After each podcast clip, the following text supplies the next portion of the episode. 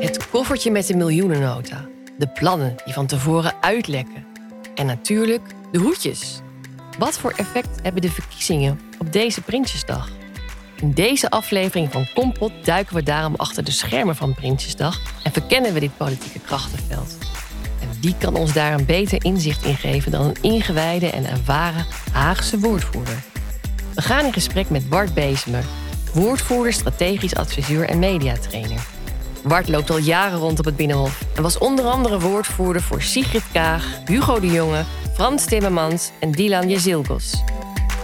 Wat leuk dat je luistert naar Kompot. De communicatiepodcast van SRM en Babbage Company.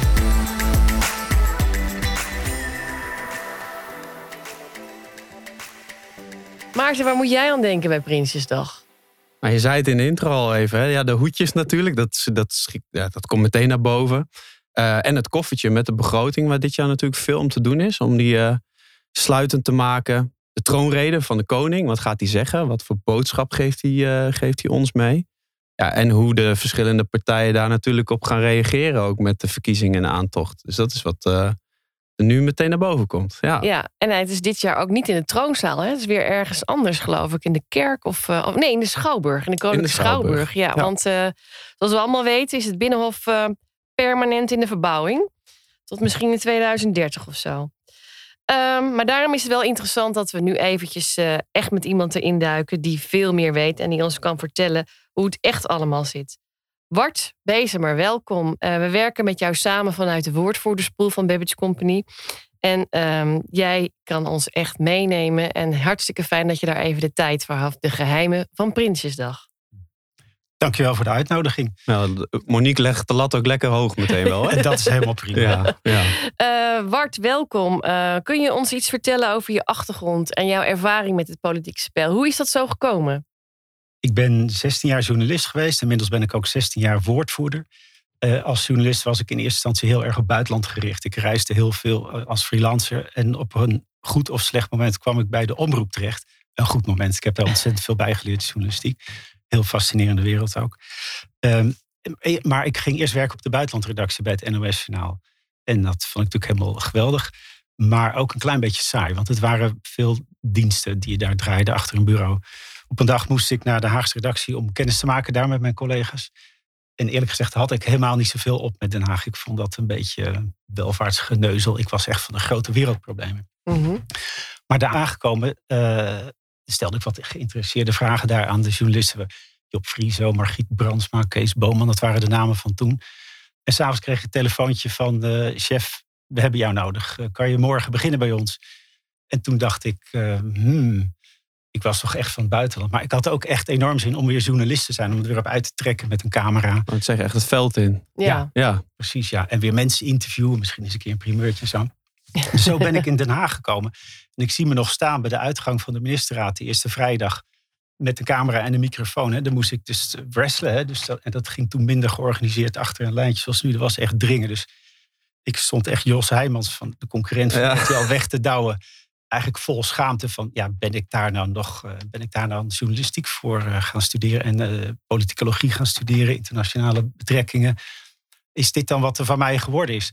Ja, blijkbaar wel. Dus, op dat moment, Jos, ja. als je dit hoort, sorry nog duwtjes. Trouwens, ik denk dat jij dat meer vaker gewonnen hebt dan ik als ervaren politiek verslaggever toen. En ik als broekie. Maar goed, uh, dat was in 1996 en ik loop nog steeds rond in Den Haag. Is het toch verslavend? Ja, het is echt verslavend.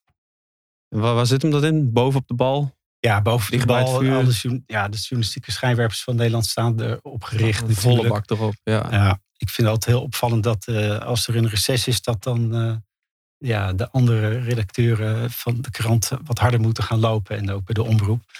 Om de krant en het journaal maar weer vol te doen. Ja, ja dan precies. ver- vervalt de helft Ja. of zo. Ja. Ja. Nou, ik zeg, en ik zeg er ook bij, soms is er misschien ook iets te veel aandacht hoor, voor Den Haag. Ja. Het is natuurlijk ook wel een hele makkelijke nieuwsbron, want er is altijd veel te halen en uh, de nodige sensatie ook. Ja, dus ook wel heel veel incidentjes en zo. Ja, soms Ja. iets meer buitenland in de krant of het journaal zou misschien ook wel eens goed zijn. Ja, want eh, die wereldproblemen blijven natuurlijk ook wel. eh, Vind ik wel, ja. ja. en ook heel erg van invloed op. eh, Ja. en we zijn een globale samenleving.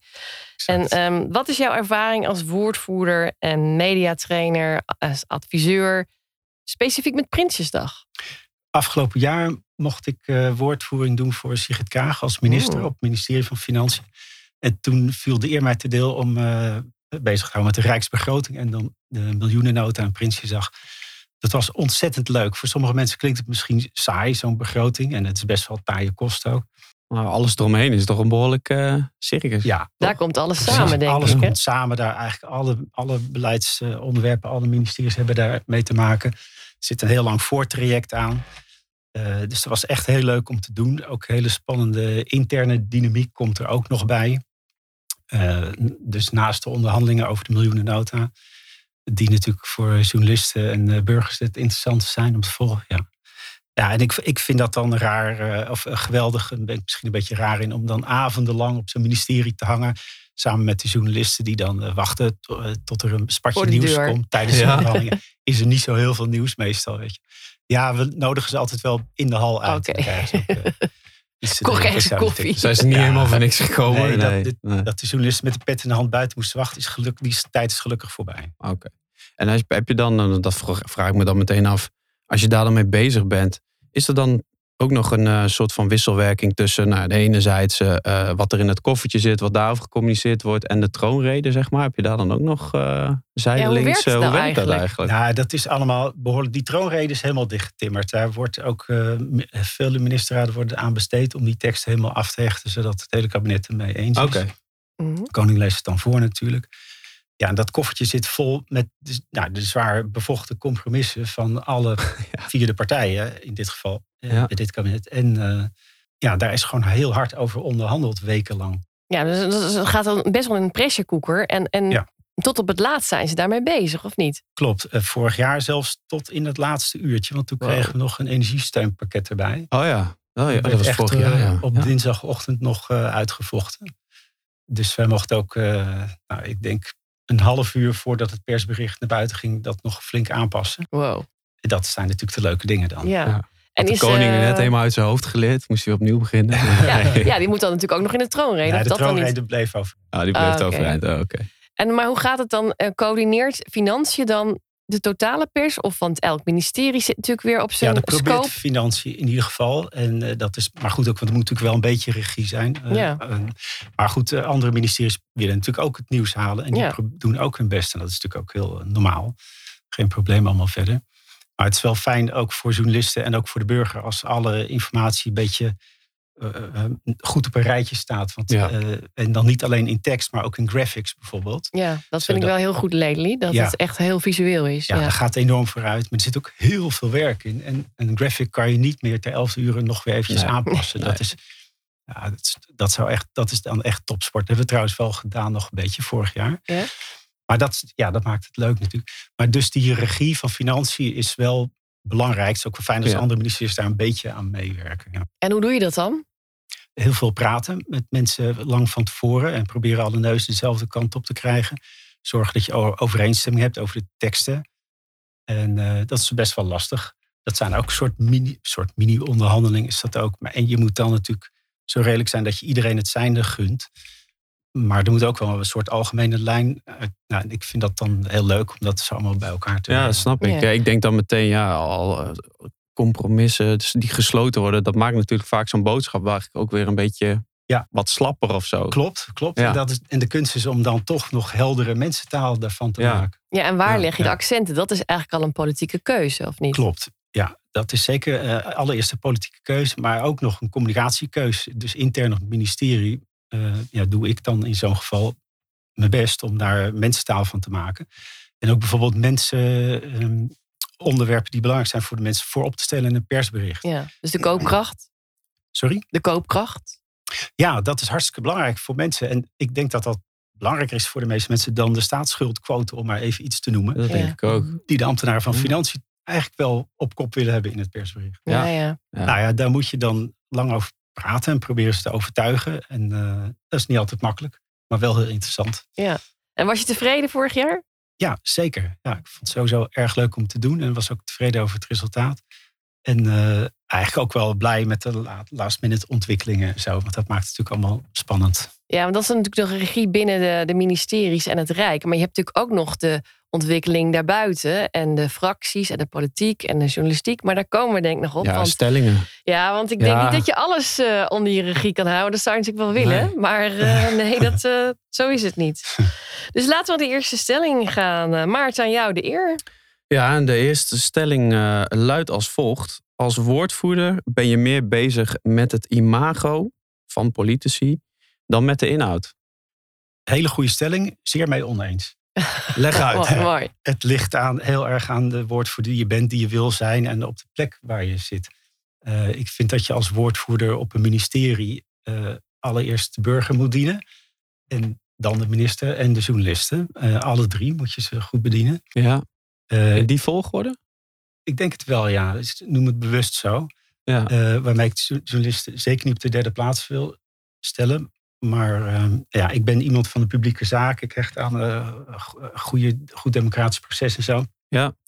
En ik vind het belangrijk dat we niet te veel focussen op eh, de persoon van de politicus. Wat eh, Toch al onlogisch is, want dat moet toch. En voor Ja. heel veel politici Ligt juist nu ook wel heel erg de nadruk op de la- ja, laatste tijd. ik. moeten zich profileren. Ja. Social media. Ja. zelfs als ze geen beroepspoliticus zijn, maar van buiten komen, dan nog willen zich profileren. Ja, het is eh, once in a lifetime dat je zo'n kans krijgt Ja. Mhm. om minister te zijn. En beroepspolitici, die, voor hen is het helemaal belangrijk om zich te profileren. Dus daar moet je wel een soort midden in eh, vinden. Nou is gelukkig niet elke minister ongelooflijk bezig met zijn imago. Er zijn ook wel echt ministers die helemaal van de zaak zijn. Ja. Mhm. Even een positief voorbeeld. Ik ben helemaal fan van eh, Wouter Koolmees bijvoorbeeld. Die Ja. totaal egoloos zijn werk doet. In ieder geval deed in Den Haag. Mhm. Ik denk nu ook wel bij de NS. En eh, ik vind dat heilzaam voor de democratie. En kijk, een beetje profilering is natuurlijk ook leuk. eh, want er moet een zeker vertier ook zijn in, eh, in, in de politiek. Om mensen geïnteresseerd te houden Ja. ook. Ja, mensen willen ook dit gewoon dat eh, die leuke juicy Tuurlijk. stukjes, de leuke dingetjes Tuurlijk. uit het leven van. Ja. Ja. Jawel, maar, Maar toch zie je om- toch wel een beetje nu dat aan de ene kant... eh, nou ja, sommige mensen krijgen wat een, een houding of een gemaaktheid eh, verweten. En anderen zijn nu misschien juist weer populairder omdat ze zo, zogenaamd authentiek zijn. Ja. Hoe, Ja, hoe het kijk jij heeft- daar tegenaan? Ja, dat heel, heeft heel erg te maken met de talenten die iemand heeft natuurlijk. Je kan enorm goed politicus Ja. zijn. Maar je is slecht, eh, je minder goed kunnen verkopen. Hoewel een goed politicus zichzelf ook moet kunnen verkopen Dat is natuurlijk. wel een soort Ja, element. Dat hoort ja. er wel echt bij. Maar ja, eh, je kan je proberen trucjes te laten aanleren door een mediatraining of anderszins of zo zelf verzinnen. Ja. Werkt meestal niet zo goed. Uiteindelijk geloven mensen toch meer in authentieke leiders. Zijn we het met z'n allen wel over eens inmiddels, geloof ik. Ja. En daarbij hoort ze ook soms dat ze niet helemaal perfect volgens het boekje communiceren. En Nee. misschien eens een keer een spraakgebrek hebben of eh, iets anders geks of zo. Of een accent. Maakt allemaal niet uit.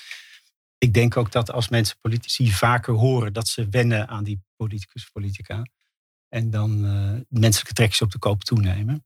Ja, dus je, ook, het is, je moet ze vaak zien, vaak horen. En dan krijg je Ja. ook die, die meer emotionele band. En daar wordt natuurlijk weer op ingespeeld eigenlijk door hen. Ja, en eh, je ziet ook dat politici natuurlijk proberen een emotionele band te creëren via social media door over huisdieren te hebben of zo bijvoorbeeld. Hè, dus Ja. een menselijk. Ja. Nou, dat Ja. is allemaal prima, hoort erbij. Uiteindelijk gaat het om de balans natuurlijk. En ik denk dat de meeste politici ook wel zo slim zijn om die balans eh, te zoeken. Maar die ligt voor iedereen weer een beetje op een andere Anders. En, en, en hoe, hoe wordt er ook gekeken naar nou, eh, de lange termijn bewaken ten opzichte van de korte incidenten? En, en Ja. daar ligt nu best wel veel, naar mijn gevoel, de nadruk op. Ja. Ja, nee, dat ben ik met je eens. Dat vind ik ook. Eh, het is een beetje steeds meer hapsnap geworden. Ja. Is niet zo heel raar natuurlijk. We hebben 21 partijen in de Tweede Kamer. Ja. Het is goed dat je het nog. Ja, een keer zegt. Ja, Het is bizar. En ja. het is al super moeilijk om met vier partijen een compromis te vinden. En Ja. als je dan ook nog 17 oppositiepartijen hebt, nou ga er maar aan staan. Ja. Mhm. Dat is echt heel moeilijk. Ehm, en ja, politici, ook onderhandelaars, die eh, bijvoorbeeld in zo'n geval van de eh, miljoenennota komen onderhandelen dan op het ministerie van Financiën. Die zitten daar hun best te doen om een compromis te bereiken. Maar die moeten ook hun partij en hun achterban bedienen. ja. Dus ja, eh, en de een doet het wat harder dan de ander. En de een heeft wat meer het lange termijn landsbelang misschien. Voor, of is meer geneigd om een compromis te sluiten dan de ander. Dus dat is een enorm gevecht. Ja, dat is Ja. natuurlijk echt, wat we, wat komt denk ik nog wel meer in ons gesprek. Maar je hebt natuurlijk de bestuurder, maar het is tegelijkertijd een partijpoliticus. En dat is natuurlijk nu helemaal aan de hand Ja, in dat de zie je nu natuurlijk in veel meer. Prinsjesdag. ja. Want iedere partij is zich aan het profileren. Eigenlijk ook door wat, wat er nu gaat gebeuren. Ja, en dat heeft ook. te- Ik denk dat dat mede komt door social media en het steeds eh, hapsnapperiger worden van, eh, van de politiek. Mhm. Ik vind dat heel erg jammer en ik vind dat niet in het belang van het land en van de burgers. Eh, Kun jij daar een rol in spelen? Om Ja, dat, hoe doe jij dat dan? Hoe doe jij, hoe doe jij dat? Ja, nou, ik ben natuurlijk adviseur, dus de baas beslist, hè, de opdrachtgever, de Ah, ja. minister vaak in mijn geval. Ja. Maar ik kan wel adviseren. En ik, over het algemeen vind ik het wel fijn als politici eh, wat meer lange termijn proberen te eh, denken en hun ego een beetje kunnen uitschakelen. Ja. Ja.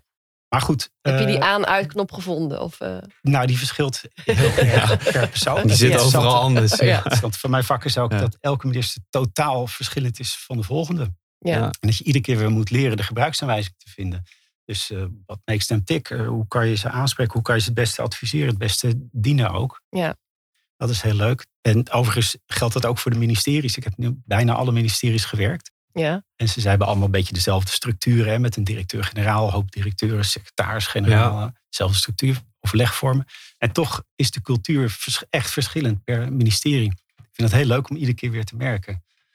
Dat Ja. het echt eh, anders ruilt en zeilt. ja andere, andere eh, passies natuurlijk. Ja. Ja. Ja, Ja, Eh, andere onderwerpen. Ja, ik denk dat op financiën ook echt andere mensen Ja. zitten dan op eh, nou ja, Landbouw. Ja. Ja. Ja. Ja. dat is misschien wel een goed voorbeeld. En Ja. dat is leuk. Ja. En heb je nooit iets moeten doen dat je zegt van dit gaat mij echt te ver. Dit is gewoon egotripperij. Eh, nee, heb ik nooit gedaan. Ik ben soms ook wel eens een beetje de dans ontsprongen hoor. Bij een minister die kwam en zich op een gegeven moment wel heel erg begon te profileren. Met een heel social media team en een video eh, twee keer per week en zo. Ik was Ja. wel blij dat ik toen inmiddels weer ergens anders werkte. Uh, Maar en, en je- ik kan daar natuurlijk over meepraten ook. Hè? Ja. Maar goed, ik Ja. zei net al, de baas beslist Ja, uiteindelijk. Ja, zeker. Wij zijn adviseur. En eh, Ja. als, Ja. het zo, eh, als hij het zo wil, dan gaat het natuurlijk uiteindelijk zo. Ja, gebeuren, ja. Ja. is maar goed ook. Nou, dan komen we denk ik op een eh, hele andere mooie, een stelling. Want eh, we weten het allemaal. De miljoenennota die ligt vaak op straat. Is lekken daarom een bewuste communicatiestrategie? Dat is onze stelling. Ja, voor sommige mensen wel. Eh, ik zeg er meteen bij dat lekken van de miljoenennota en alle andere onderhandelingen Stukken. die plaatsvinden gif is. Het, ja, het is echt heel slecht voor het politieke proces en het is ook, eh, belemmert ook een goede uitkomst. Want iedere keer als je ziet dat er een, een, een lek is, dan gaan mensen terug onderhandelen. Dus even een voorbeeld. Eh, Ja. er staat iets in de miljoenennota wat fijn is voor ondernemers. Dan kan het zomaar zijn dat er uit de contraien van de fractie en de onderhandelaars, Oh, ik zeg ja. niet dat het de fractie en de onderhandelaars zelf zijn, maar Ja. de figuren eromheen, dat die iets gaan lekken. Overigens gebeurt het ook wel bewust. Ook misschien wel door de fractie zelf en misschien ook wel door de onderhandelaars. Daar durf ik echt niet mijn hand voor in het vuur te. Nee. Maar als dat gebeurt, dan voelt een andere partij zich meteen weer geroepen om ook iets eh, te gaan roepen. Misschien weer Weer leuk leuk is voor de sneeuwbal, AOW'ers. eh, sneeuwbal-effect. Dus iedereen Ja. wil zijn eigen achterban al bedienen voordat het allemaal. ehm, En wat je ziet is als die onderhandelaars weer bij elkaar aan tafel zitten, dat dat tot zagrijn leidt. Maar ook inhoudelijk weer een stapje terug. Want er wordt weer een beetje terug onderhandeld. Ja. Eh, de achterban van zo'n partij gaat zich roeren. Die gaat de onderhandelaars weer eens even extra onder druk zetten. Jij moet dat wel binnenhalen, je mag dat niet weggeven. ja. Het wordt steeds moeilijker voor die mensen, terwijl het al een hele ingewikkelde puzzel is, om tot een goed compromis te komen waar iedereen zich in kan vinden. En wat goed is voor het land op de lange termijn. Ja. In plaats van op de hele korte termijn en misschien het partijbelang. Het institutionele partijbelang. Dat is natuurlijk jammer. Ik weet ook niet hoe 1, 2, 3 hoe het beter kan. Maar dat ja, die politici en ook die onderhandelaars ook hun partij moeten bedienen. En dat is een institutie. En dat heeft een belang. Zijn er eigenlijk straffen? Zijn er straffen is voor het dan lekken? nooit Of- ontdekt? Want het is Ja. nooit, nooit wordt iemand gepakt, zullen we maar zeggen of zo. Nee. Nee, het is altijd... De journalisten eh, houden de lippen op elkaar, want die hebben de ja, die hebben hun bij. bronnen. Ja. die moeten hun Klopt. bronnen En beschermen. Voor woordvoerders is dat heel leuk om het, en de andere mensen op zo'n departement ook om, om dan te kijken waar is het van wie, wie is het leuk, Ja. weet je wel. Ja. Maar dat is eh, vaak wel, eh, je weet je wel ongeveer waar het zit, maar je weet het nooit precies. Nee, net geen eh, naam en rugnummer. Nee. Nee. Ik heb zelf wel eens meegemaakt dat er op een departement iets gelekt was, of althans een geheim stuk waar ook met de stempel geheim op stond, Ja. bij de pers was eh, terechtgekomen. En toen zat ik aan, het, aan mijn bureau met twee rechercheurs van de Rijksrecherche. Want de minister die had gezegd, we gaan dit tot de bodem laten uitzoeken. Die rechercheurs die zeiden tegen mij, ja, ik doe dat al 18 jaar, ik doe dat al 20 jaar. We doen het, maar we hebben nog nooit een lek kunnen vaststellen. Wow. Zo moeilijk is het om dat hard te maken. Ja. Overigens wel, uh, wil ik wel even zeggen dat er vanuit ministeries veel minder gelekt wordt dan vanuit fracties, fracties. in de Tweede Kamer. Ja. Ja, ja. Is ook wel logisch en dat is ook een beetje in de lijn van hun belangen. Ja, want dat zijn natuurlijk ook meer de ambtenaren. Die moeten toch eigenlijk uh, apolitiek zijn. Nou, ik kan me ook voorstellen dat die bestuurders toch meer met een... Nou, die hebben dat afgestemd, uniform geluid misschien wel uh, naar buiten. En dan gaat het eigenlijk rommelen door... Ja, klopt. Meestal is het niet in het belang van het ministerie dat er nee. gelekt wordt. Zeker als er onderhandelingen plaatslopen. ja. Dan wil je eigenlijk echt met z'n allen eerst dat compromis Bewaken, vinden. ja. En dan naar de pers. En journalisten snappen dat ook best wel. Ik, ik kan als woordvoerder eigenlijk niks zeggen tijdens zo'n miljoenennota. Formeel niet. En dan leg ik journalisten uit als ze het niet begrijpen. Van ja, uh, sorry, maar er moet eerst gewoon een goed uh, eindresultaat zijn. En dan gaan we er alles over vertellen. Ja. Snappen journalisten wel. Heb je dan ook iemand die je die primeur geeft daarin? Of, uh... Nou, dat gebeurt, primeurtjes weggeven. Ik ben daar zelf geen groot fan van. Mhm. Uh, ten eerste hou ik niet zo van verdeel- en heersspelletjes. Ten tweede uh, krijgt zo'n minister grote problemen met de Tweede Kamer. Want die wil Ah, gewoon ja. dat dat Ja. niet gebeurt. Die, Nee. De Kamer wil eerst geïnformeerd worden voor Ja. de pers. Zit natuurlijk ook wat in. Het maakt het werk voor woordvoerders wel lastig. Want soms, als je een klein nieuwtje hebt waar journalisten niet meteen bovenop duiken, kan het heel handig zijn om dat aan een bepaald medium te gunnen. Dan is de Ja. kans groot dat ze wat groter daarover uitpakken. Ja. Dus het is wel een, een instrument voor journalisten, kan ook functioneel zijn en ook best wel eh, niet, niet per se slecht of zo. Nee. Maar goed, de Tweede Kamer steekt daar gewoon een stokje voor. En uh, dan proberen wij weer andere manieren te vinden. Ja, dus heb je zelf, al iets, heb je zelf ooit iets gelekt? Dat is dan de... Nee, ik. Uh, Maar heb je hebt die regisseur straks weer aan zijn bureau zitten, Monique? Hij is al verjaard. Is al verjaard. nee, ik hou er niet van. Ik moet je zeggen, ik heb wel eens. Uh, ik praat journalisten wel eens bij op achtergrond als iets echt niet klopt of zo. Ja. Maar dat is iets heel anders dan Ja. lekken. Ja. Ja, ik vind het lekker. Ik ben er geen fan van. Ik vind het politieke proces verstoren. Vind ik jammer voor de democratie. Gewoon. Ja, voor de burger ook Ja. uiteindelijk. Ja. Ehm, nou, ik denk tijd voor de volgende stelling. Zeker. Eh, politieke woordvoering is een tak van communicatie die onder grote druk staat nu het vertrouwen in overheid en politiek laag is. Dat is zeker zo. Ik durf onderhand op feestje al bijna niet meer te vertellen dat ik eh, voor ministers werk vaak. Nee? Ja? Dat zo had ik inderdaad willen vragen. Maar, ja.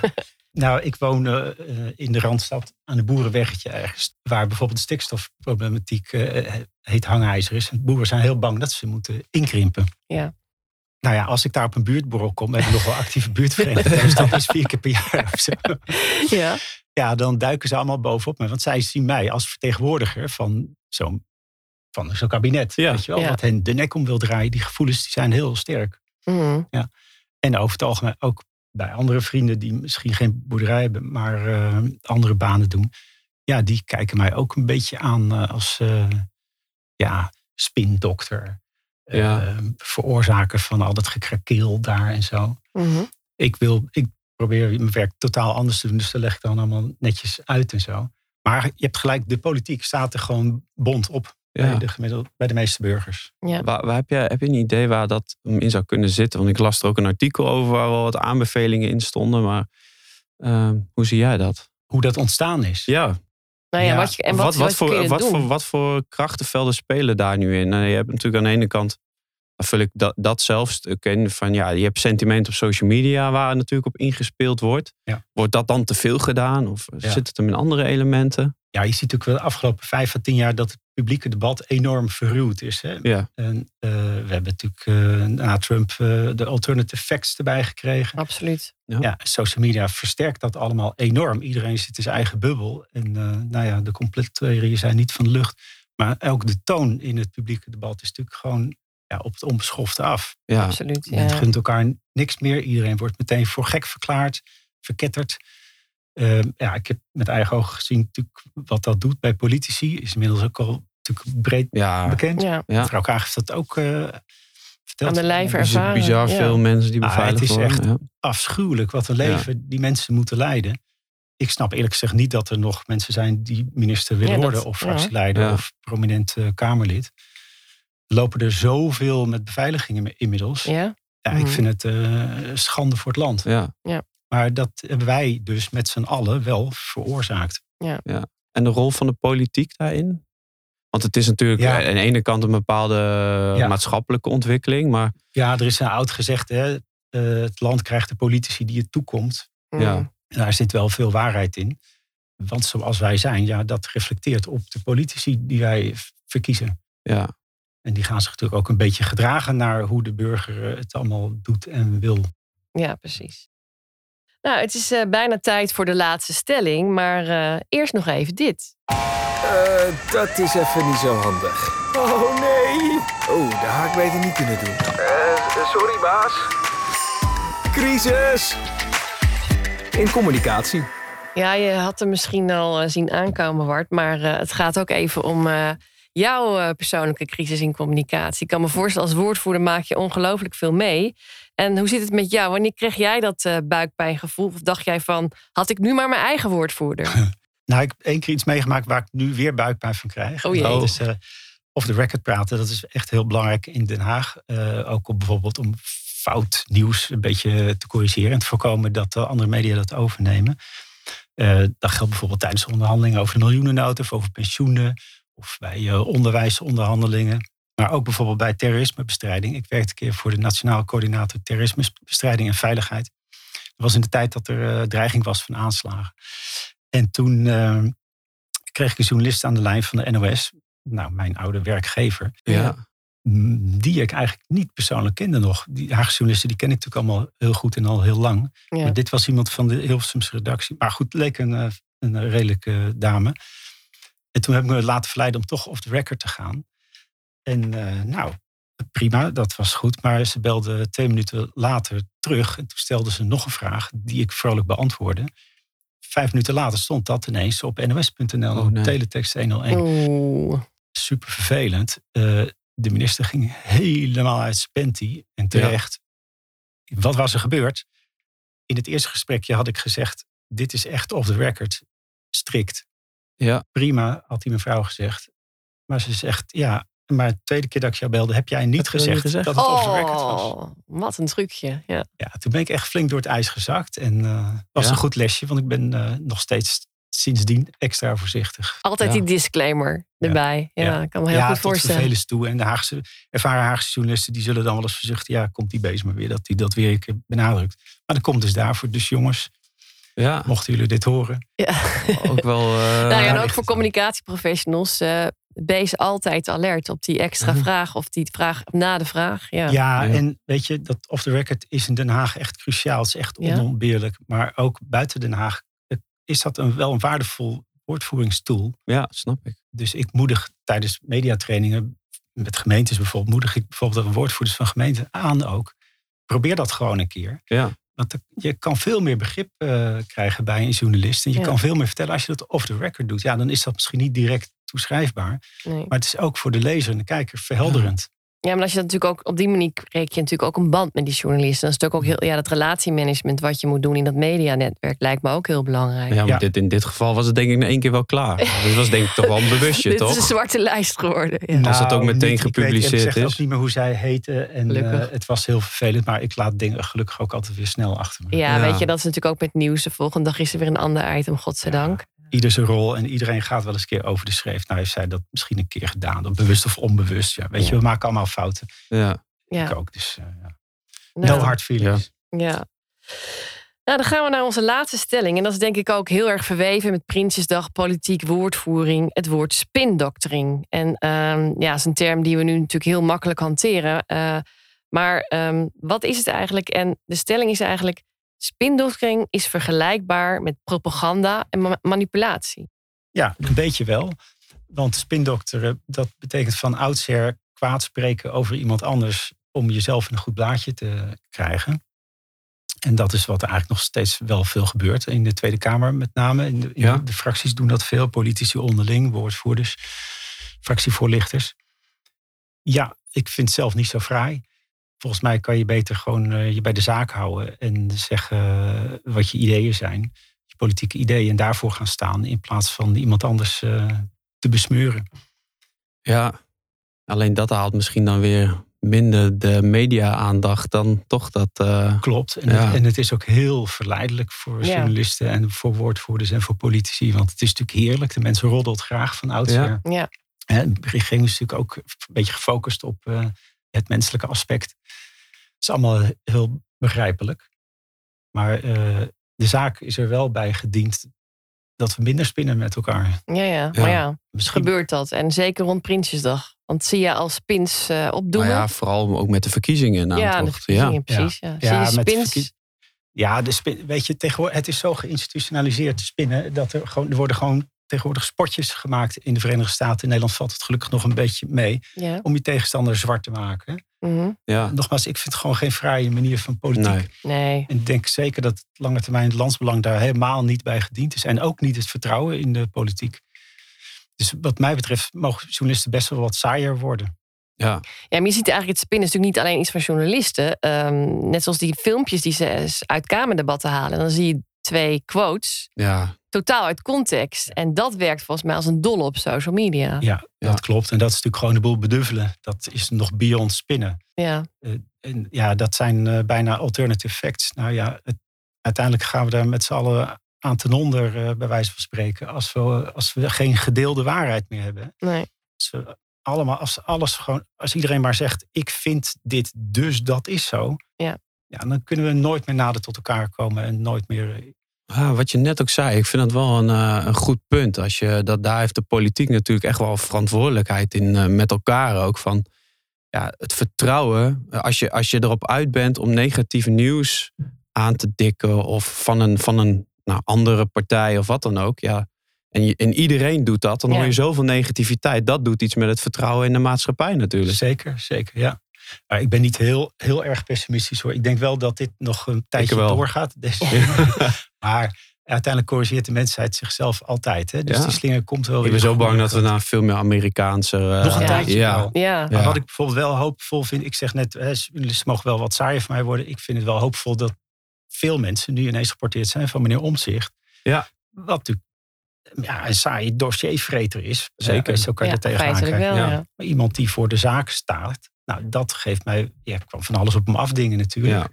Ik vind er ook van alles van. Maar ja, dat, dat aspect geeft mij wel hoop. Dat mensen misschien ook wel voor saaie politici gaan en daarvoor stemmen. laten, we, laten we hopen dat hij niet helemaal ondersneeuwt in het campagnegeweld. Dat je op zich moet stemmen. Helemaal. Nee, nee, nee, maar, ik ben benieuwd hoe dat dan, dan weer gaat. Hij staat nu natuurlijk op het moment dat we nu opnemen best wel hoog in de peilingen. Volgens mij de grootste. Um, maar ja, al, straks komen al die debatten op tv. En, ja, nou ja, daarom wordt er nu ook gepleit voor meer inhoudelijke debatten. Dus dat is misschien al iets dat die slinger de andere kant op gaat. En als, als iedereen daaraan mee wil doen, dan moet de media wel volgen. Want als niemand wil komen op zo'n uh, die debatten met al die rare stapaaltjes en iedereen één minuut, daar zijn we het wel klaar mee, denk ik. Dat is interessant dat je dat zegt, want er wordt weken keihard over onderhandeld door de fracties in de Tweede Kamer en uh, de NOS en de RTL. En, een vandaag en zo, die willen natuurlijk allemaal een heel spannend debat. debat. En, Maar die politie die stellen ook eisen. Dus nou, het is ook wel eens zo dat een van de partijen er vanaf ziet. Kan ook een omroep zijn trouwens. Ja. Dus dat weten we ook nog niet. Dat is allemaal nee, nog... weet je, ja, dat heeft ook weer een beetje... Uh, we kunnen allemaal heel verstandige dingen willen, maar we zijn ook allemaal nog een klein beetje sensatiebelust. Ja, absoluut. Ja. We willen allemaal een beetje spektakel. En ja. ja, dat is niet zo mooi, maar uiteindelijk maakt dat misschien de politiek ook wel weer een beetje interessant. Ja, het gaat weer om de balans. We gaan het op voet volgen de komende periode. Ja, zeker. Maar uh, nog even van hoe sta je dan als woordvoerder in? Je zegt spinnen is kwaadaardig. Jij, jij wil het niet doen. Uh, dus ligt het dan aan het morele kompas van de individuele woordvoerder... hoe die daar wel of niet in meegaat? Ja, en, en van de individuele politicus. Ja. Voorop natuurlijk. Ja. Mm -hmm. Ja, ik denk dat je, als jij uh, niet spint en je gaat gewoon voor de zaak, het lange termijnbelang, niet voor je ego, dat je een hele grote bent. En dat uiteindelijk mensen daar ook voor kiezen. Hoop ik dan maar. Ja, dat hoop je dan maar. Komt weer boven en is het ook een gesprek onder woordvoerders onderling van uh, dat jullie iets met je morele kompas moeten doen? Ja, er wordt wel over gesproken. Naar mijn zin te weinig, maar ik vind het altijd heel leuk om over mijn vak te praten en te filosoferen en zo. Ja. ja, dat is af en toe natuurlijk wel onderwerp van discussie. Ja. Nou, dat Goed. is goed om te horen. Ehm, nou, we hopen dat, eh, dat het eh, die kant op gaat. Dat de balans eh, wat rustiger wordt en wat meer vanuit idealen. Want wat jij zei, sta voor je zaak. Daarvoor ga je waarschijnlijk de politiek in. En daarom ben je ook als woordvoerder ben je aan de kant van de Haagse ministeries terechtgekomen. Om het belang van de burger te dienen. Hartstikke mooi. Heel erg bedankt voor eh, dit kijkje achter de schermen van Prinsjesdag. En ehm, als take-out zouden we nog graag van jou iets mogen vernemen van op wie, wat, waar moeten we op letten richting 22 november? Wat gaat er gebeuren in de aankomende maanden? Ja, het leukste en het interessantste is natuurlijk misschien wel om heel goed te letten op eh, de BBB en op omzicht Ja. wat die gaan doen. Hoe gaan zij zich handhaven tegenover de gehaaide politici die heel bedreven zijn in debat? Hoewel de mensen die in de televisiedebatten staan ook eh, deels nieuw zullen zijn. Ja, fijn. Ja. Ja. Maar dat is heel interessant eh, om te zien. En ook onderdeel van het vermaakaspect van politiek. Maar ik zou ook willen zeggen, lees vooral eens een keer een partijprogramma. Eh, vul die kieswijzer in. Ja. Of misschien twee of drie. Ja. En probeer daar je stem op te baseren. En laat je niet te veel leiden in het stemhokje. Door het laatste debat wat je die avond ervoor hebt gezien. Ja, niet Ja. alleen maar door de poppetjes. Ja, dat wou ik precies zeggen. Dat hangt natuurlijk meer aan de persoon. Ja, en dat is natuurlijk wel wat er gebeurt. Maar eh goede Ja. tip. Nou, we gaan het zien. Heel erg bedankt. En eh, leuk dat jij eh, in deze drukke tijd eh, even toch de tijd had eh, om ons mee te nemen hierin, Bart. Graag gedaan. Dankjewel ook. Ja, heel erg bedankt. Ja, en eh, dat was eh, de zevende aflevering, eh, Monique. Ehm, nou, inmiddels, ik heb afgezwaaid als eh, directeur bij, eh, bij SRM. Ehm, maar ik ga de mooie gesprekken die we hebben gehad natuurlijk wel missen. Want we hebben toch wel eh, nou, zeven, eh, zeven mooie gesprekken gehad met verschillende gasten. Absoluut. Ehm, nou, waar we denk ik veel te horen hebben gekregen. Aan de andere kant is het voor mij nu wel prettiger om zelf de kompot ook weer terug te luisteren. nu ik er zelf niet meer in zit. ja, Dus ik, ehm, dus ik ga hem nu lekker eh, aan de andere kant. eh, blijf ik hem lekker volgen. En eh, nou, wens jou daar heel veel suc- succes bij. En eh, nou, ik ben benieuwd naar de volgende. Zeker. Nou, Maarten, ik eh, vond het echt een ontzettend leuk, creatief idee. Jij kwam ermee en in no time hadden we de kompot opgezet. En ik denk dat we er allebei ontzettend veel plezier aan leveren. Zeker weten. Dus ik zal je zeker missen. En ehm, nou, leuk om jou in ieder geval als trouwe luisteraar te bewaren. Trouwe En, luisteraar. Ja, en die volgende aflevering gaan we ons eh, niet bezighouden met praten, maar juist met luisteren. We luisteren veel te weinig naar elkaar, weten eigenlijk niet meer hoe dat moet, zeker niet in organisaties. En dat zorgt met name in de relatie burger-overheid voor veel spanningen. Wil je dit nou ook niet missen? Abonneer je dan nu op onze show. Check dekompot.nl voor meer informatie en tot de volgende.